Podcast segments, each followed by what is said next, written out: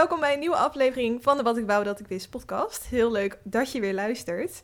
Ehm, mijn naam is Kelly, als je me nog niet kent. En ik maak deze podcast wekelijks voor twintigers en ook mensen die daar buiten vallen. In ieder geval alle mensen die zich aangesproken voelen door deze onderwerpen. Onderwerpen waarvan ik denk, ik zou wel eens willen horen dat andere mensen met dezezelfde dingen dealen. Ehm, het is soms fijn om gewoon een beetje herkenbaarheid uh, te hebben. Um, of in ieder geval dat te ervaren bij, uit de verhalen van iemand anders. Dat vind ik tenminste. Um, de aflevering van deze week heet Waarom daten in deze tijd fucked is. Nou kan je misschien denken, uh, als je al langer luistert, Kelly, je zit al vier jaar in een relatie. Wat weet jou nou, jij nou in godsnaam af van daten in deze tijd? Heb je heel, helemaal een punt.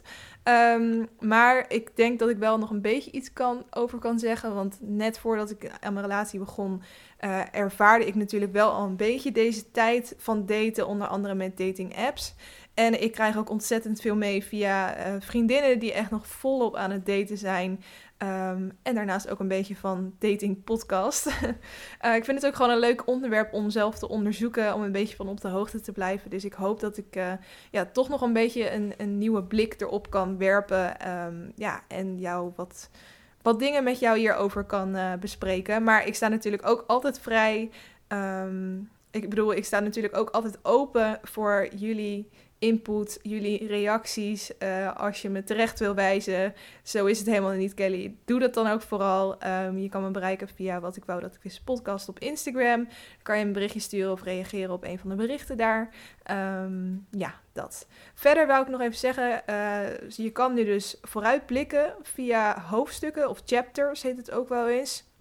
Als je via Spotify luistert, dan kan je in de beschrijving um, klikken op een volgend onderdeel. Bijvoorbeeld als je gelijk door wil naar het hoofdonderwerp of naar het LKL'tje. Um, dan kan je gewoon op de tijdscode klikken en dan ga je dus gewoon gelijk naar dat gedeelte. Dus zo kan je het eigenlijk deze podcast een beetje voor jezelf indelen. Uh, laten we beginnen met het allereerste blokje en dat is het lekker loeren blokje. En hierin neem ik op een luchtige manier de week met je door. Ik heb weer allemaal celebrity nieuws verzameld en uh, die ga ik eventjes heerlijk met jullie doornemen. Uh, het eerste wat ik tegenkwam is dat... Um, ik weet niet of je wel eens Teen Mom hebt gekeken op MTV vroeger. toen kwam er op een gegeven moment een seizoen Teen Mom OG of Teen Mom hier zijn ze nu, zeg maar, zo'n soort seizoen. In ieder geval zie je die kinderen eigenlijk helemaal opgroeien. Dus van het moment dat ze nog in 16 en pregnant zaten, totdat ze zes jaar zijn, zeg maar. Ja, en inmiddels zijn die kinderen dus al tien jaar. In ieder geval het seizoen waar ik nu op doel. Want er zijn natuurlijk meerdere seizoenen opgenomen. Maar in een van de seizoenen zat een uh, meisje die Farah heette. En zij stond eigenlijk onbekend dat ze altijd ruzie had met de moeders. Nou hadden heel veel ja, van die tienermoeders dus ruzie met hun eigen moeder. Um, maar deze was wel echt extreem, want je merkte gewoon wel dat zij echt diepe, diepe proble problemen hadden. En dat die Farah ook gewoon erg emotioneel instabiel was. En um, ik dacht toen al wel van, ik ben wel heel benieuwd als jij een kind krijgt, hoe dat kind terecht gaat komen. Nou ja, dat kind is inmiddels tien jaar dus. En ik las nu dus dat um, die dochter van haar zij heet uh, Sophia. Um, dat hij dus inmiddels al in therapie zit, omdat zij zo'n publiek leven leidde. Dus ze heeft natuurlijk van kinds af aan al camera's om zich heen. Um, maar dat niet alleen. Ze heeft ook volgens mij een YouTube-kanaal en een Instagram-kanaal. Van het Instagram-kanaal ben ik 100% zeker, van YouTube niet, niet helemaal, maar ik dacht het ook. Um, en dat start een kind natuurlijk niet zomaar op. Dat, dat, daar moet die moeder iets van bij geholpen hebben iets gepromoot hebben. Ze ziet natuurlijk ook hoe haar eigen moeder is. Dat is iemand die echt onwijs hard gaat op aandacht. Dat, dat merk je gewoon aan alles. Zij heeft aandacht nodig. Um, en dat meisje uh, is echt gewoon een kopie van haar moeder geworden. En ik vind dat best wel schrijnend om te zien. Je moet ook eens naar haar Instagram opzoeken van dat meisje dus. Als je zoekt op uh, Sophia, Teen Mom, Instagram of zo, dan, dan zou je het wel kunnen vinden. Maar dan gaat zij dus ook reageren uh, ik had een video gezien dat zij gaat reageren op haters. Want zij heeft dus een openbaar Instagram kanaal. En ze krijgt heel veel haat als meisje van tien. En dan praat ze daar ook over van... Ja, today I'm gonna talk about the haters. But like, whatever. Um, haters love me anyway. So, um, so. Weet je, zo praat ze als een tienjarige. En ik denk dan echt... Je zou op deze leeftijd niet moeten dealen met dit soort dingen. Weet je, wees gewoon kind. En ehm, ja, ik denk toch ook van het, die moeder die uh, zou toch eigenlijk eerst zelf alles op een rijtje moeten krijgen uh, voordat ze ja, de kind met dit soort gaat helpen met het opzetten van dit soort dingen. Maar misschien ben ik daar zo heel uh, hard in en ik weet natuurlijk niet precies hoe het allemaal gaat in dat leven van hun. Um, maar dat is gewoon wat ik er zover uit opmaak. Um, ja, ik vind het. Ik zat gewoon echt met verbazing die video van die tienjarige dochter te kijken, Sofia. Ik echt dacht van meisje, weet je, waar in welke wereld ben je beland? Um, goed, dat was het eerste nieuwtje. Het volgende is dat uh, Shanna van uh, Temptation Island, afgelopen seizoen, is bevallen van een kindje. Ik heb het hier natuurlijk al eerder over gehad. Shanna en, Shanna en Quinten die deden mee aan Temptation Island. Um, dat uh, ging eigenlijk niet zo heel goed. Op een gegeven moment gingen ze beide bijna vreemd. Uh, en toen heeft Shanna gezegd: uh, Ik stop ermee, want ik ben eigenlijk zwanger. En Quinten wist dat dus al. Um, dat wisten ze allebei toen ze mee gingen doen aan Temptation Island, maar ze wilden toch doorzetten. Uh, en uiteindelijk zijn ze dus halverwege gestopt. Ze mochten ook niet meer meedoen aan het programma. Want zo zeiden ze: het is niet bedoeld voor zwangere vrouwen. wat ik heel goed snap. Um, maar ja, inmiddels zat ze dus natuurlijk wel thuis zwanger. En het is nu een aantal maanden verder. En inmiddels is ze dus bevallen. En ze hebben een zoontje gekregen. Dat wisten ze eigenlijk al wel. Volgens mij hadden ze het geslacht al eerder bekendgemaakt. Um, ja, en ik, hoe ze dat nu verder samen gaan doen. Ze zeggen volgens mij nog steeds in interviews dat ze niet officieel weer een relatie hebben. Maar ze willen wel samen zijn vanwege het kind. Uh, dus ze wonen volgens mij wel samen, weet ik niet zeker. Maar um, ja, ze zijn ook als je ze ziet in video's, dan lijkt het gewoon alsof het een koppel is. Um, wat voor dat kind natuurlijk heel positief zou zijn. Maar ja, dat, uh, ja. Jenna heeft wel zoiets van: je hebt je van je slechtste kans laten zien op Temptation Island en ik vertrouw jou eigenlijk niet meer. Dus dat. Um, dus weer eigenlijk over uh, het hebben van een kind en hoe je daarmee om moet gaan. Um, dan gaan we door naar iets heel leuks. Iets waar ik vandaag achter kwam. Wat niemand mij verteld heeft, jongens. Um, is dat. Uh, wel, ik heb het wel. ik heb zelf dit aangekondigd dat dit weer ging starten. Ik heb het over first dates. Dat is uh, gisteren begonnen. Dat heb ik wel eens een aantal weken geleden genoemd. Maar ik heb die datum toen niet genoteerd of zo. Um, en toen kwam ik vandaag een artikel tegen en er werd First Dates benoemd. En toen kwam ik er dus achter dat het gisteren weer is begonnen. Um, als je het programma niet kent, ik denk dat iedereen het kent, maar het is een programma op NPO 3 waarbij um, ja, je eigenlijk eerste dates volgt. En je kan je dus gewoon aanmelden bij dat programma. Dan zeg je wie je bent, wat voor iemand je zoekt en dan koppelen ze jij, zij jou aan iemand. Dan word je uitgenodigd in hun restaurant, het First Date restaurant. Um, en daar krijg je dus pas je date te zien. En nou ja, dan ga je gewoon uh, samen uh, eten. Um, en je date wordt dan dus helemaal gefilmd en uh, op tv geshowd. um, ja, ik vind het een heerlijk programma. Ik heb het er ook al wel eerder over gehad. Ik kijk er echt ontzettend graag naar. Dus ik ga de aflevering van gisteren, want ik neem het op dinsdag op. Het is op maandag begonnen. Dus ik ga die van gisteren en vandaag nog eventjes inhalen. Um, en dan gewoon weer elke avond op de bank zitten om half acht. Ja, dat, dat, is gewoon, dat hoort gewoon een beetje bij de herfst. Ik krijg ook weer helemaal heerlijk een herfstgevoel uh, hiervan. Um, maar wat ik eigenlijk hierover wou zeggen is dat barman Victor, want dat is natuurlijk een iconisch figuur van First Dates, de barman met de prachtige ogen, en de man aan wie uh, een date die aan de bar kwam zitten ook nog wel eens gevraagd, kan ik niet met jou op date? Nou, dat zegt al genoeg. Hij uh, blijkt een relatie te hebben. Dit wist ik zelf nog niet, maar hij blijkt al twee jaar een relatie te hebben. Um, dus helaas voor alle vrouwen van Nederland die met First Date wilden meegaan doen, zodat ze tegenover barman Victor kunnen zitten aan een bar. Um, daar hoef je het in ieder geval niet meer voor te doen. Wat wel grappig was, het is natuurlijk een bekend iets dat hij, uh, dat heel veel vrouwen hem ontzettend knap vinden. En ik weet nog wel dat er, ja, niet afgelopen Valentijnsdag, ik denk die daarvoor, was er een, uh, een actie. Ik weet ook niet meer welk bedrijf dit had georganiseerd. Het zou de Linda kunnen zijn. Maar um, die had toen als actie dat je um, op Valentijnsdag dus barman Victor als Valentijn kon hebben. Um, en dat leek me wel wat voor mijn huisgenootje, want wij keken toen nog volop First Date samen. Um, dus ik had toen haar gegevens ingevuld. En toen heeft zij dus op Valentijnsdag een Valentijnskaart gekregen. Wist ze niks van. Van barman Victor. Nou, ik, ik zat natuurlijk op de bank toe te kijken hoe zij die envelop open zat te maken en haar reactie te bekijken. Ik vond het dus echt geniaal. En ze kreeg volgens mij ook nog um, WhatsAppjes gedurende de dag. En kreeg ze volgens mij een video van hem binnen. En dan noemde hij natuurlijk niet de naam, maar dan zei hij: Hallo schoonheid. Uh, ik ben blij dat ik vandaag jouw Valentijn ben. Ja, ik vond dat echt een geniale actie. Je kon toen uit meerdere mannen kiezen en één daarvan was dus. Uh, barman Victor. Um, maar ja, dat gaat nu niet, misschien niet echt meer gebeuren aankomende Valentijnsdag, aangezien hij dus gewoon een uh, relatie heeft. Um, tot slot het laatste nieuwtje is, um, ja, het is alweer eventjes geleden, maar Justin Bieber is getrouwd met uh, Haley Baldwin. Dat hadden ze volgens mij al gedaan voor de, staat of whatever. Um, maar ze hadden nog niet echt een grote bruiloft gehad. En die is afgelopen week geweest. En er zijn dus ook uh, foto's online gekomen op de Instagram-kanalen van Justin Bieber en nou, Haley Bieber nu dan dus. Um, van, haar, van hun outfits. En natuurlijk vooral de jurk van Haley was ik heel erg benieuwd naar. En ik vind hem zo mooi. Als je nog niet hebt gezien, moet je hem echt even bekijken op Instagram. Ik zal hem ook op die van mij plaatsen.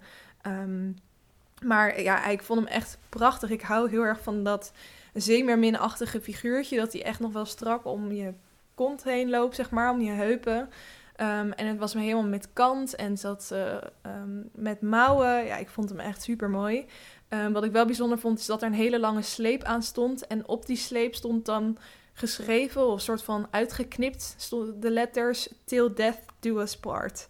Dat had ik nog nooit eerder gezien. Vond ik iets wat dramatisch. Maar aan de andere kant, ja, hoort er ook toch wel weer bij als je een van de, als je eh, ja, toch wel een van de grootste celebrity koppels ter wereld bent, om dan eventjes iets out of the box te doen.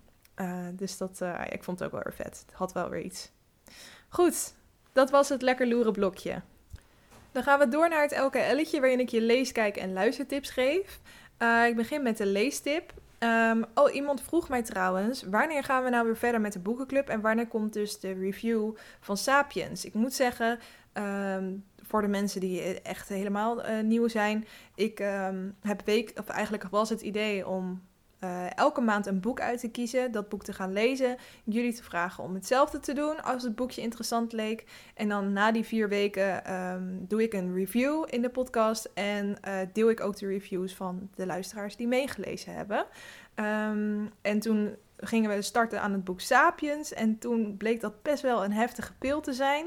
Uh, ik heb ook nog weinig berichtjes gekregen van mensen die hem echt al uit hebben. Uh, zo wel, stuur me dan eventjes een berichtje. Maar daardoor is het eigenlijk een beetje stil komen te liggen. Want ik dacht, we hebben langer de tijd nodig voor dit boek. Uh, maar nu merk ik zelf dat ik er ja, gewoon niet doorpak. Dus um, over twee weken, ik pak eventjes mijn agenda erbij. Laten we zeggen, ja, de 20ste 20 oktober, dan komt de review van Sapiens. Dan vraag ik ook of de mensen die hebben meegelezen een review willen opsturen. Als je nog niet uit hebt, ook prima. Dan stuur je gewoon een review van uh, tot hoever je het uh, hebt gelezen. Um, en dan ga ik dus ook weer een nieuw boek uitkiezen. Als je nog leuke boeken weet om te lezen, mag hem die ook altijd opsturen. Dan misschien vind ik hem ook wel tof en doen we hem dan als boekenclubboek. Um, en ja, en dan gaan we gewoon eens weer lekker van start. Want ik heb ook wel weer zin om gewoon elke maand weer een nieuw boek op te pakken. Zeker in deze, uh, ja, toch wat druilerige maanden. Dan is het gewoon heel fijn om met een theetje op de bank een boek te lezen. Dus um, dat gaat zeker weer van start. Maar zoals ik ook had gezegd, in de tussentijd wil ik wat ander soort leestips geven. Bijvoorbeeld artikelen. Um, en in dit geval wil ik als tip geven de site The Best Social Media. Misschien heb je het wel eens voorbij zien komen op Facebook of zo, maar ik vind dat echt een geweldige site. Want daar worden dus alle beste social media reacties uh, verzameld. Um, mensen zeggen wel eens dat Twitter dood is. Nou ja, als ik dan zie wat voor enorm grappige dingen mensen tweeten, dan denk ik echt dat is zo niet waar. Daar zitten echt juist de leukste mensen op. Um, en wat ik zelf nu dus heel leuk vind, want er zijn twee programma's die ik nu op de lineaire tv kijk, om het zo maar even te zeggen. Uh, en dat is Chateau Meiland en Expeditie Robinson.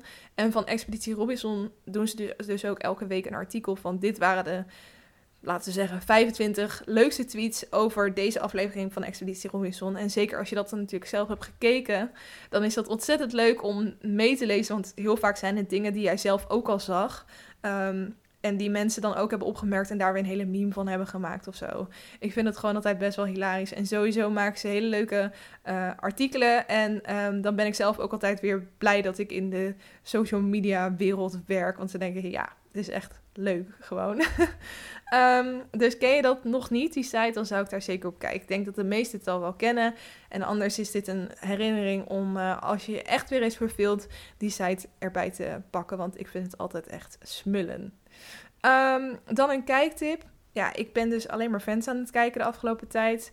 Uh, ik heb het al een keer eerder genoemd, maar ik ben dat dus helemaal vanaf het begin aan het kijken. En ik ben er echt van aan het genieten. En ik merk ook opeens dat allemaal grapjes die mensen wel eens maken, opeens weer uh, sens maken, zeg maar. Ze zijn opeens logisch voor mij. Dat ik denk, oh, daar kwam dat vandaan. Um, en uh, verder wil ik ook gaan beginnen aan Peaky Blinders seizoen 5. Fantastische Engelse serie um, over een soort gang, een bende in, in Engeland. Uh, uit uh, nou ja, een hele lange tijd geleden. Maar die, toen ik de tekst las van die serie ooit, toen ik eraan begon, toen had ik echt zoiets van, nou, dit is niks voor mij. Dit is, uh, wordt waarschijnlijk alleen maar in geschoten. Het ziet eruit alsof het al, allemaal druilerig is. En daar ga ik sowieso niet blij van worden. Maar het is echt een steengoede serie. Je moet hem echt kijken als je hem nog niet hebt gezien.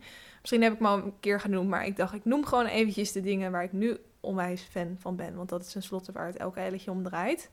Um, dan nog een uh, luistertip. En de luistertip uh, van deze week is een. Uh, nou, een van jullie had deze eigenlijk getipt aan mij via DM op Instagram. Um, en dat is de ochtendpot van Luc, Luc Iking, zeg maar. En Simone, dat is zijn vrouw. Vriendin, vrouw, geen idee of ze getrouwd zijn. Um, maar zij maken dus elke ochtend een, uh, nou ja, een, een podcast. Een hele korte aflevering wel. Volgens mij is die 15 of 20 minuutjes. En uh, dan nemen ze eigenlijk de dag met je door. Of het nieuws van die dag. Het weer van die dag. Um, dus het is eigenlijk net alsof je gewoon het nieuws aanzet. Alleen zij vertellen het wel op een hele leuke, uh, gezellige manier, zeg maar. En wat ik dus heel chill vind is toch als ik het, nieuws aan zou zetten op de radio, vind ik het allemaal te, te, dan, dan, dan moet je echt op het goede moment zeg maar gaan luisteren. Voor de tv gaat dat natuurlijk ook. En met tv heb ik ook van, dan zou ik eigenlijk mee moeten kijken. Maar ik ben vaak zo druk in de ochtend dat ik daar helemaal geen tijd voor heb. En die ochtendspot die kan ik gewoon s ochtends als ik op de fiets naar werk zit aanzetten. En dan ben ik in een kwartiertje bijgepraat. En dat vind ik er wel heel lekker aan. Ik luister niet elke dag moet ik zeggen hoor. Maar soms gewoon als ik het idee heb van oh man, ik heb echt weer veel te weinig nieuws gevolgd. Dan uh, zet ik die eventjes aan. En als ik dan wat interessants hoor, dan kan ik het eventueel later nog uh, opzoeken. Uh, maar ik vond het wel een, uh, een, leuke tip die ik had gekregen en uh, ik dacht ik geef hem graag door. Dus als jij wat meer op de hoogte wil blijven van het nieuws op een, een leuke laagdrempelige manier, dan is deze podcast zeker wel een aanrader. De ochtendpot van Luc en Simone. Ik herinner me ook weer dat iemand zei dat als ik een tip geef, dat ik hem aan het eind nog eventjes moet herhalen. Omdat ik dan een hele promo praatje heb gedaan en ze dan eigenlijk alweer vergeten zijn waar het promo praatje over ging. Dus dat ga ik proberen te onthouden om dat vaker te doen. Goed, dan is het nu zover dat we naar het hoofdonderwerp gaan. Waarom daten in deze tijd fucked up is. En um, het is natuurlijk niet allemaal slecht, hè jongens. Maar ik, uh, ja, er zijn wel wat dingen die gewoon een beetje raar zijn. Misschien is dat een beter woord. Het is gewoon een beetje raar hoe het soms gaat. Um, de aanleiding voor dit onderwerp was eigenlijk dat ik in de... Ik zat de afgelopen week in de trein. Um, en ik moet zeggen, ik kijk niet heel vaak op van mijn mobiel in de trein. Maar ik zag toevallig um, twee mensen zitten. En uh, dat waren een beetje mensen van mijn leeftijd, een jongen en een meisje. En allebei zaten zij op een andere dating app uh, mensen te, te swipen. En um, ze zaten dus echt gewoon, en het ging super snel, hè? Dus echt van links, rechts, rechts, links, rechts, links, links, links. Het ging super snel. Um, en uh, ik zag ze zo bij elkaar zitten en ik zat ook naar andere mensen in de trein te kijken. Um, en toen dacht ik, wat, grappig. Er zijn dus gewoon meerdere mensen hier zo in de trein, in ieder geval hun tweeën, op zoek naar de liefde. Um, zijn eigenlijk op zoek naar een connectie uh, met iemand. Um, terwijl degene tegenover ze, die dus ook precies hetzelfde aan het doen is, ze daar eigenlijk totaal geen aandacht aan geven. Dus uh, Um, terwijl ik dacht van, oh mijn god, jullie zouden echt super leuk zijn samen. Weet je wel, zo ben ik dan ook weer. Dat dan, ik ben ook altijd degene die andere mensen met elkaar wil koppelen en zo. Maar het, het voelde gewoon, natuurlijk, het kan zijn dat ze elkaar al lang gezien hadden, dat ze geen interesse in elkaar hadden en dat ze gewoon lekker in hun eigen bubbel aan het swipen waren. Maar opeens kwam bij mij een soort van dat besef van wat een rare wereld eigenlijk waarin we leven. Dat we niet meer connectie maken met mensen om ons heen, maar liever via een, een app, een digitaal ja, uh, verlenging van ons. Uh, liever op zo'n manier eigenlijk contact met elkaar maken. En hoe, hoe is dat zo gekomen en waarom vinden we dat dan zoveel fijner dan iemand, uh, iemand aanspreken? Niet dat dat helemaal niet meer gebeurt aanspreken, maar ik denk dat de mate waarin we mensen aanspreken en de mate waarin we digitaal daten, om het zo maar te zeggen, dat dat digitaal daten echt zoveel groter deel is gaan innemen. Um, ja, we zitten dus eigenlijk allemaal om ons heen te kijken, maar toch ook weer uh, niet. Um, maar vooral eigenlijk op, die sociale platformen, op die dating apps. Ik heb ook een vriendinnetje die echt uh, wel, nou ja, best wel een serial dater is misschien. Um, en zei ik, ik kom haar wel eens tegen in de, in de trein en dan vertelt ze me weer. Heeft ze allemaal wilde verhalen over uh, dates heeft gehad. Maar ze heeft dus ook al die dating apps op haar mobiel staan. En ik, ja, doet daar dus al vier jaar niet aan. Dus ik vind het dan heerlijk om eventjes mee te kijken op haar mobiel. En achter komen hoe zo'n app dan werkt. En dat swipen. En um, laat ze me een beetje gesprekken zien die ze dan heeft. Um, en dan vertelt ze me dus wat er allemaal uitgekomen. Wat voor dates ze allemaal heeft uh, gehad. En um, uh, ja, soms loopt een date heel goed en soms loopt het weer minder. Soms is ze weken met iemand aan het daten. Soms heeft ze één date en dan denkt ze, nou, dit is het allemaal niet. Uh, en ik zie de, de, voordelen daarvan, hè, want het, het, is, het klinkt allemaal fantastisch. Het klinkt allemaal superleuk wat ze aan het doen is. Um, en ook dat swipen is natuurlijk heel verslavend iets. Dat als je eenmaal begonnen bent, dan wil je eigenlijk niet meer stoppen. En ik zie er ook wel de voordelen van in dat je eigenlijk elk moment van de dag het datingaanbod kan bekijken zonder je um, ja, eigenlijk af te vragen of diegene wel single is. Want dat heb je natuurlijk ook vaak als je gewoon in het openbaar iemand ziet en denkt: Oh, die persoon is echt heel leuk. Um, maar je, ja, die persoon kan natuurlijk makkelijk een relatie hebben of misschien wel getrouwd zijn. In die leeftijdsfase zitten we ook al. Um, uh, en je weet natuurlijk niet of die wel geïnteresseerd is in jou. Misschien vind jij diegene wel hartstikke leuk en wil je diegene eigenlijk gaan aanspreken. Maar ja, toch een beetje bang voor afwijzing. Um, misschien vindt hij jou wel helemaal niks. Dan is zo'n dating app natuurlijk super handig. Want je kan gewoon iemand laten weten van... hey, ik vind jou leuk. En diegene die ziet dat eigenlijk pas op het moment dat hij terugzegt... ik vind jou ook leuk. Um, en zo voorkom je eigenlijk awkward situaties. En je maakt het voor drukke twintigers super, heel praktisch eigenlijk... om op zoek te gaan naar de liefde van je leven. Want je kan het ja, laten we zeggen, nog op de wc doen. Ik denk dat heel veel mensen tinderen of wat dan ook, dating appen op de, op de wc. Uh, wat een rare gedachte is. Um, maar ja, het, het wordt je natuurlijk gewoon heel makkelijk gemaakt. Je swipt hem gewoon naar links of naar rechts en je wacht af of hij hetzelfde bij jou heeft gedaan. Um, en ja, dat, dat, dat heeft zich ook wel bewezen uh, om heel succesvol te zijn. Want ik ken echt heel veel vriendinnen die uh, hun relatie uit Tinder hebben gehaald. Mensen die nu gaan trouwen of al samenwonen. En um, het is ook een. Het past ook wel op zo bij, bij onze generatie, hoe we dat dan aanpakken. En uh, het is natuurlijk fantastisch dat, dat mensen daar ook een relatie uithalen. Um, al heb ik het idee dat mensen zich er altijd nog wel een beetje voor schamen hoor.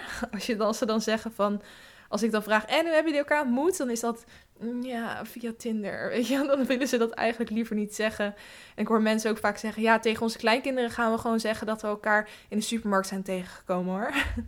dus dat vind ik ook nog wel een interessant iets, waarom die schaamte er nou nog uh, steeds op ligt.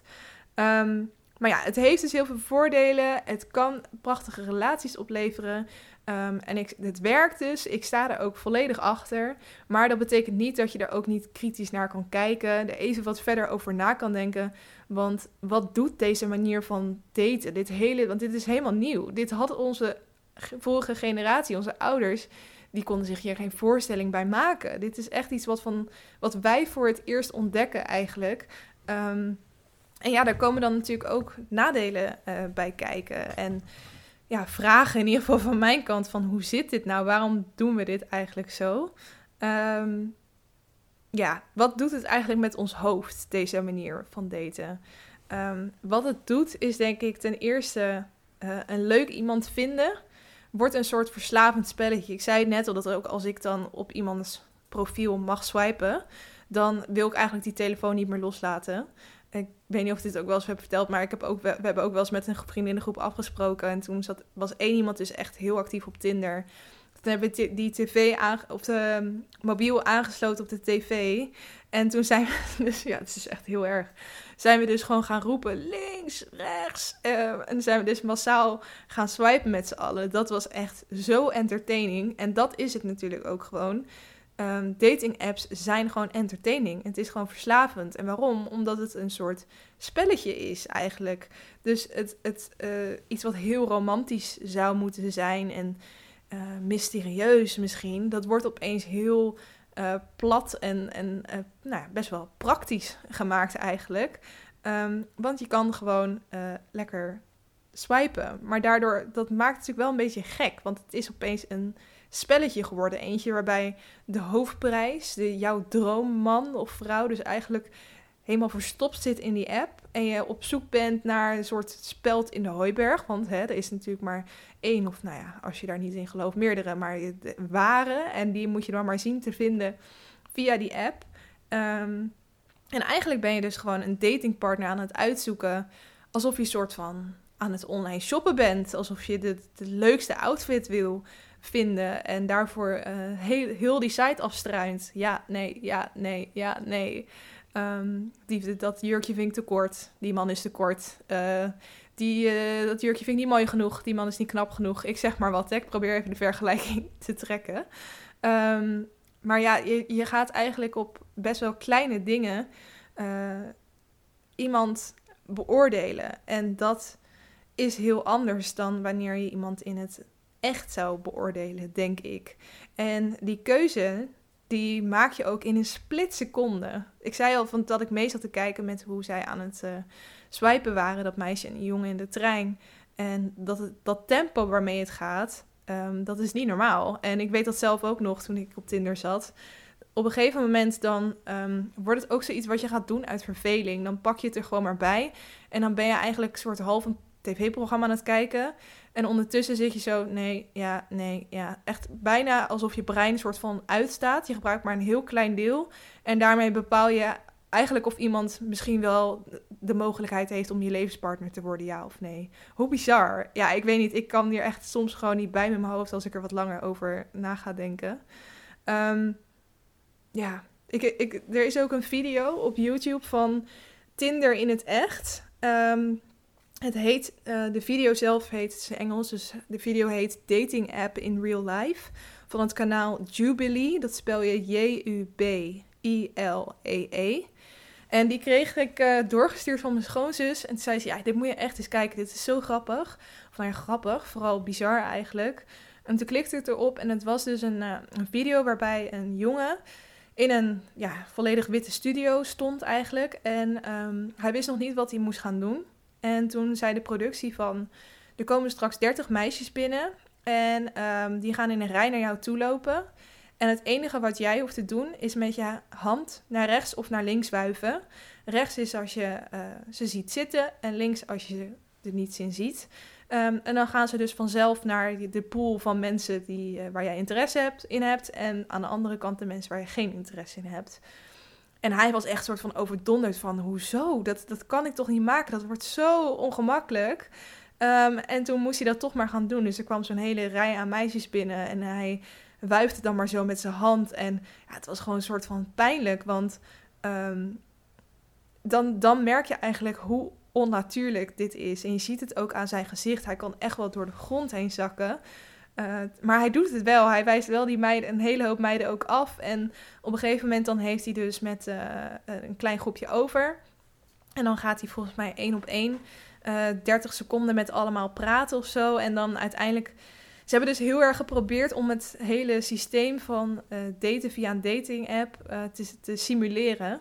En um, ik denk dat dat een hele goede manier is om soort van mensen bewust ervan te maken hoe bizar dating apps zijn. Um, en hoe erg je dus ook in een splitseconde iemand beoordeelt op zo ontzettend uh, weinig. Um, en waarom is het nou ongemakkelijk? Omdat het niet natuurlijk voelt, omdat het niet natuurlijk is. En daarnaast, de mensen uh, met wie je het doet, die zijn opeens niet meer 2D, zoals op je telefoon. Die zijn opeens tot leven gekomen. Als je uh, vooral aan het online daten bent, um, dan vergeet je denk ik wel eens dat het echte mensen zijn. Um, echte mensen met hun eigen stopwoordjes en stiekeme hobby's en grote ambities waar ze van dromen s'nachts of, of gekke gewoontes en verborgen passies en dat soort dingen kan je natuurlijk niet aflezen aan een datingprofiel en zeker niet binnen die 1 à 2 seconden die je jezelf ervoor gunt. En juist dat soort dingen vind ik zelf de dingen die een persoon interessant en aantrekkelijk kunnen maken. Ik um, uh, ga met uit, als ik uitga, dan. Ja, als ik dan uh, wat gedronken heb, dan word ik ook een soort van social butterfly. Dan ga ik gewoon heel de ruimte door tot ik ongeveer met iedereen uh, gepraat heb. Um, en vooral random mensen, wat mijn vriendinnen niet altijd even leuk vinden. Maar dan ben ik dus opeens weg. En dan ben ik met random mensen aan het praten. En dan ga ik dus ook altijd een beetje vragen naar wat, wat mensen ambities zijn. En soms komen daar ontzettend leuke gesprekken uit. Soms overigens ook helemaal niet. Dan slaan die mensen totaal dicht. Um, en vaak, wat mij opvalt, zijn dat dan toch wel de mensen van wie ik denk: wow, jij bent echt mega knap en intimiderend. En als ik dan met ze ga praten, dan denk ik: wow, jij bent mega saai. Um, en dan, dat, dat doet mij dan ook wel weer beseffen van ja, uiterlijk zegt zo ontzettend weinig een Instagram-profiel zegt eigenlijk al heel erg weinig. Laat staan een datingprofiel waar je vijf foto's op hebt en een tekstje van één seconde waarin je heel grappig probeert te doen, terwijl je dat misschien zelf terwijl je zelf misschien helemaal niet zo adrem bent. Weet je, het is heel makkelijk om een ander beeld van jezelf te schetsen. Um, en dat doe je waarschijnlijk ook omdat je toch moet opboksen uh, tegen andere mensen. Dat weet je. Je weet dat andere mensen maar 1 à 2 seconden aan jouw profiel besteden. En dus wil je de beste foto's laten zien en het grappigste tekstje maken. Um, ook al ben je dat misschien niet echt of zo. Maar ja, hoe er tegenwoordig uh, gedate heeft, gedate wordt, sorry, um, heeft natuurlijk ook invloed op de manier waarop we onze uh, partner bepalen. Um, door dat geswipe de hele tijd, uh, ik blijf toch maar eventjes bij de dating apps, uh, streven we de hele tijd naar een vorm van perfectie, zoals ongeveer alles in ons leven. Het is natuurlijk echt een uh, ultieme kenmerk van millennials, dat we altijd maar op zoek zijn naar het allerbeste en daarom zo lastig vinden om keuzes te maken, ook omdat er zo ontzettend veel keuzes zijn. Um, maar ja, dat, dat swipen, dat, dat geeft ons eigenlijk het idee, want dat eindigt niet. Hè? Er is, het is niet op een gegeven moment dat er staat, je hebt nu alle matches gehad. Oh, ik herinner me weer dat ik dat wel had. Maar dat was nog iets meer aan het begin van uh, het Tinder-tijdperk, om het zo maar even te zeggen. Toen heb ik volgens mij wel af en toe gehad van er, zijn geen, er is geen nieuw aanbod, zeg maar, in jouw buurt. Maar uh, volgens mij is dat tegenwoordig al lang niet meer zo, want er zitten zo ontzettend veel mensen op dating apps. Um, en als jij ook niet te zien krijgt van dit was het, uh, dan, dan krijg je natuurlijk ook mentaal het idee van wow, er is echt zo'n enorme groep aan mensen uh, met wie ik potentieel zou kunnen daten. Um, en die wil je gewoon allemaal door. Zo zijn we, willen het gewoon allemaal gezien hebben. Want daarna, als je pas als je weet wat, wat voor aanbod er is, kan je pas echt een goede keuze uh, maken. Dus het geeft ons eigenlijk het idee dat we enorm veel keuze hebben. En keuzes, daar houden we eigenlijk niet van, want we kunnen geen uh, keuzes maken. Um, en wat er ook voor zorgt, is dat we natuurlijk niet snel genoegen gaan nemen. We zijn heel kieskeurig eigenlijk gaan worden. Nog veel kieskeuriger dan dat we al waren. Um, door dat, geswipe de hele tijd. Um, en wat er dan misgaat. Um, even kijken, kijk even in mijn aantekening wat ik hierover wou zeggen. Ja, we worden dus nog kieskeuriger. En als we eenmaal gaan daten, dan, dan komt dan ook denk ik al snel dat gevoel. Hè, ik praat even vanuit iemand die date. is dit het nou? Of moet ik toch nog even verder swipen. Je gaat eigenlijk constant alles wat je dus tegenkomt op zo'n app, of je nou um, met elkaar in gesprek gaat of al gelijk op eerste date gaat, je gaat toch diegene proberen te toetsen aan bepaalde dingen om te kijken, um, is dit de persoon of moet ik misschien toch nog eventjes verder kijken? En daar is in principe niks mis mee, hè? want dat is eigenlijk alleen maar logisch dat we dat doen. Um, ik vind streven naar perfectie ook niet per se een slecht iets. Het kan juist heel erg motiveren um, om echt iemand te zoeken die goed bij je past. Maar um, waar het denk ik misgaat, is dat we te weinig in het nu leven. En dat als je op die date bent, dat je gewoon geniet van die date, uh, van het moment dat je daar met die persoon zit en echt interesse toont in die persoon, echt erachter probeert, die persoon probeert te ontrafelen, te kijken waar die van houdt en wat niet en wat zijn gekke gewoontes en geheime ambities zijn. En um, in plaats van dat het heel erg op de, op de oppervlakte blijft en je die persoon maar blijft toetsen aan dingen waarvan jij hebt bedacht dat het voor jou belangrijk is.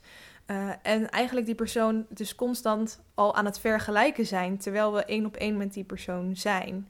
Um, ja, ik denk dat dat gewoon belangrijk is, dat je niet constant bezig bent met een soort eisenlijstje in je hoofd, maar dat je iemand ook echt de kans geeft, uh, zonder al na te denken over, misschien is er wel iets beters. En dit geldt overigens niet alleen voor dates vanuit apps, maar eigenlijk voor daten uh, door twintigers in het algemeen. Want ja, we, zoals ik al zei, we zijn ons uber bewust van alle keuzemogelijkheden die we hebben in het leven. Um, op alle vlakken. En dat maakt ons mega onzeker, mij ook. En natuurlijk ook op liefdesgebied. Want hoe maak je dan in godsnaam nog de goede keuze als je zo ontzettend veel uh, aanbod, bent, aanbod hebt? En um, het gevaar zit er dan ook in dat we dingen gaan overanalyseren. Op het moment dat je zoveel keuzes hebt, ga je eigenlijk overal aan twijfelen. Um, je gaat denken: is het slim om nu met deze persoon op date te gaan? Was die andere niet toch echt veel leuker? Uh, wat zullen andere mensen van deze persoon eigenlijk vinden? En wat als ik deze persoon heel erg leuk vind, maar hij vindt mij straks niet leuk? Wat als ik hem toch niet leuk vind? Dan heb ik eigenlijk een avond van mijn leven verspeeld. Want dan had ik misschien wel met iemand op date kunnen gaan die ik veel leuker vind. Zo zijn we eigenlijk constant aan het overanalyseren over die dates. En dat is volgens mij gewoon niet gezond. Um, en door die onzekerheid houden we dus eigenlijk ook het liefst alles zo casual mogelijk. We houden het liefst meerdere dingen gaande. Uh, we plakken nergens een, een label op. Uh, gewoon om uiteindelijk maar ja, je opties te hebben en de juiste keuze te kunnen maken. Um, en erachter te komen wat überhaupt de juiste keuze is. Overigens leerde ik van een vriendinnetje die uh, in Leiden op de universiteit heeft gestudeerd, dat er juist heel veel labels zijn. Ik zei, we plakken nergens een label op, maar eigenlijk zijn er heel veel labels. Misschien weet iedereen dit al, um, behalve ik. Maar er zijn dus heel veel fases van een relatie, of eigenlijk de aanloop naar een relatie, die je met verschillende woorden kan omschrijven. Uh, een twarrel, een scharrel, een kwarrel, een prela en een rela. Dit, is, dit zijn echt studentiekeuze woorden, hè, trouwens. Um, en ik heb uh, niet echt bij een studentenvereniging gezeten, dus misschien ligt het daaraan dat ik dit allemaal nog niet kende. Maar als je dit zelf ook nog niet kent, dan zal ik ze heel eventjes toelichten. Een twarrel is eigenlijk een scharrel waar je nog een beetje over twijfelt. Dus je wil hem nog geen scharrel noemen. Je bent nog eigenlijk aan het bekijken of die ja, potentie heeft om een scharrel te worden. Een scharrel is dus gewoon met iemand met wie je af en aan date.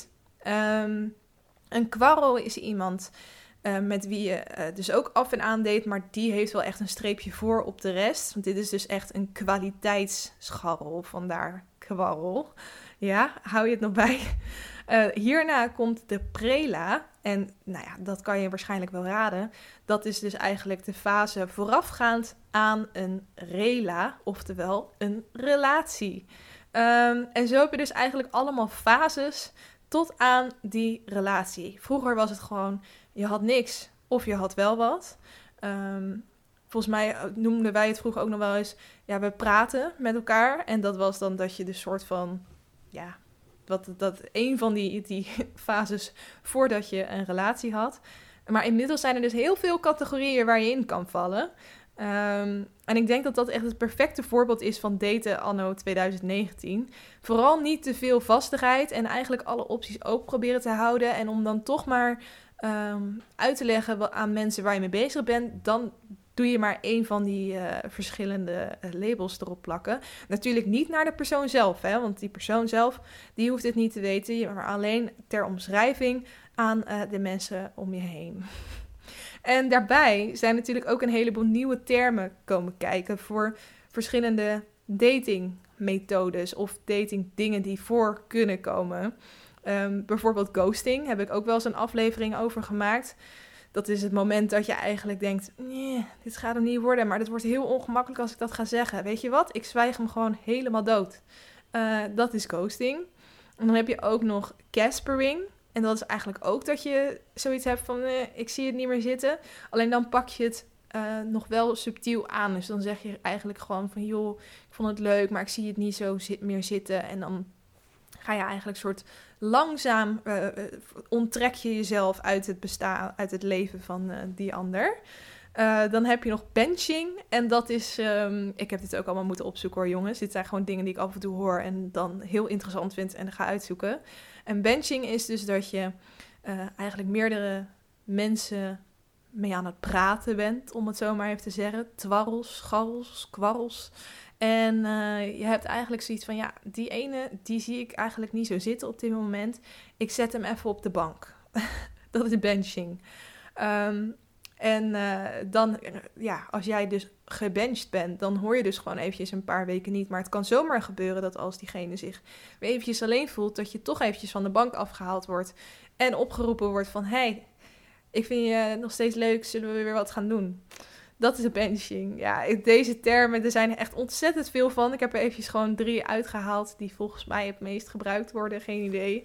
Uh, maar ik, ja, opnieuw zijn ze zo kenmerkend voor hoe wij tegenwoordig uh, daten. En wat ik er zelf vooral heel erg in herken, is dat um, we gewoon niet houden van keuzes maken. Al die, die, die termen die wijzen er eigenlijk op dat we um, heel graag willen definiëren wat we vooral niet willen definiëren. Dus we willen heel graag um, kenbaar maken waar we mee bezig zijn.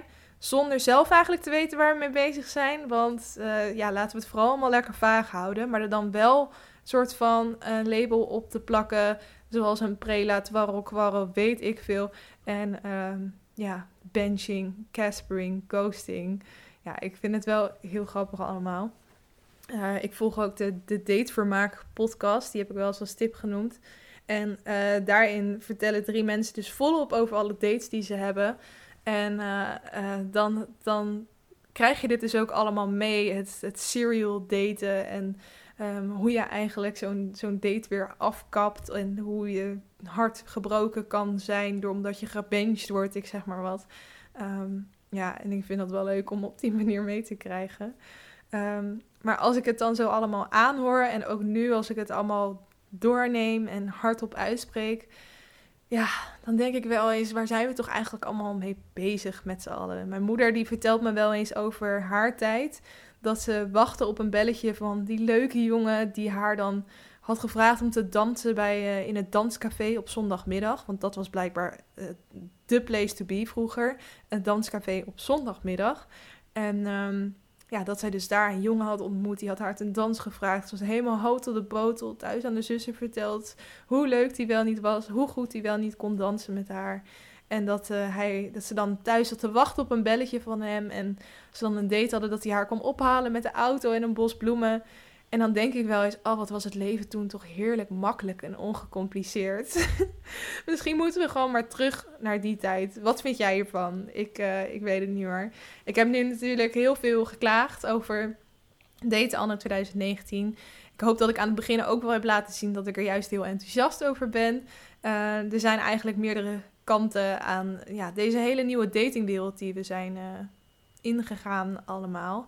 Uh, en ik heb misschien helemaal geen recht van spreken, omdat ik helemaal niet aan het daten ben nu zelf. Maar ik hou me er graag mee bezig. Um, en uh, zoals ik al zei aan het begin, ik sta heel erg open voor jouw verhaal. Ik, heel, ik hoor heel graag van jou hoe jij hierover denkt. Um, wat je hiervan vindt. Ik ga ook nog eventjes uh, kijken of ik nog wat berichtjes had gekregen op Instagram. Ik had namelijk gevraagd van als jij hier nog iets over te zeggen hebt, laat het me dan weten.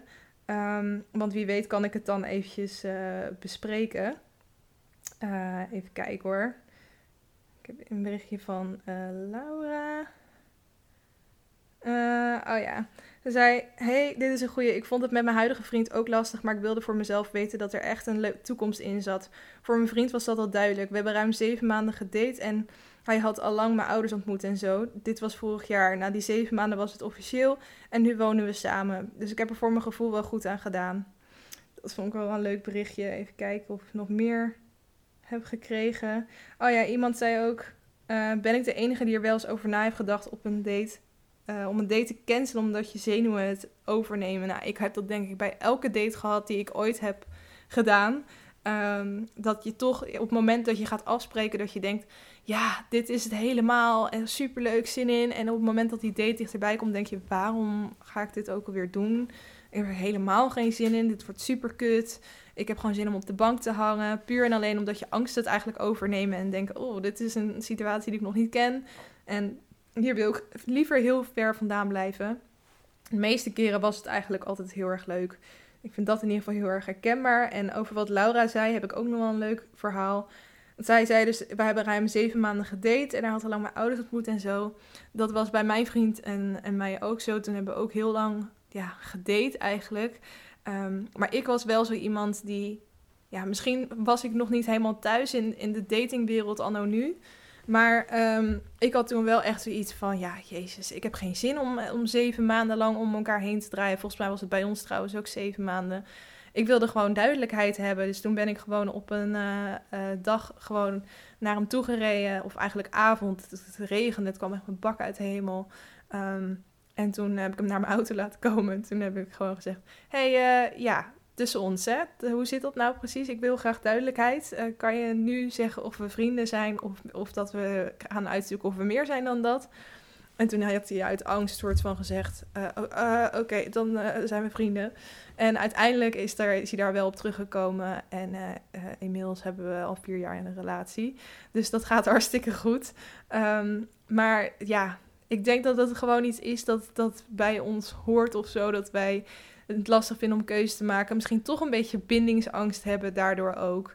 Um, willen heel graag onafhankelijk zijn en zijn bang dat de relatie ons misschien een beetje tegenhoudt. Uh, ik wil niet generaliseren hoor, dat is voor iedereen natuurlijk weer anders, maar dat is iets wat ik veel opmerk in mijn omgeving. Um, maar zoals ik al zei, als jij hier nog verhalen over hebt, iets aan toe wil voegen, iets tegen wil spreken, dan kan je me altijd een berichtje sturen via wat ik wou dat ik wist podcast op Instagram. Vind ik heel leuk.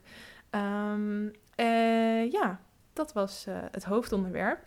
Dan sluit ik altijd eventjes af met een leuke doetip. En de doetip van deze week is een uh, kledingruil. Um, volgens mij heb ik hierover verteld in de aflevering over... Um, hoe heet dat? Sustainability. Ik kom even niet op het Nederlandse woord.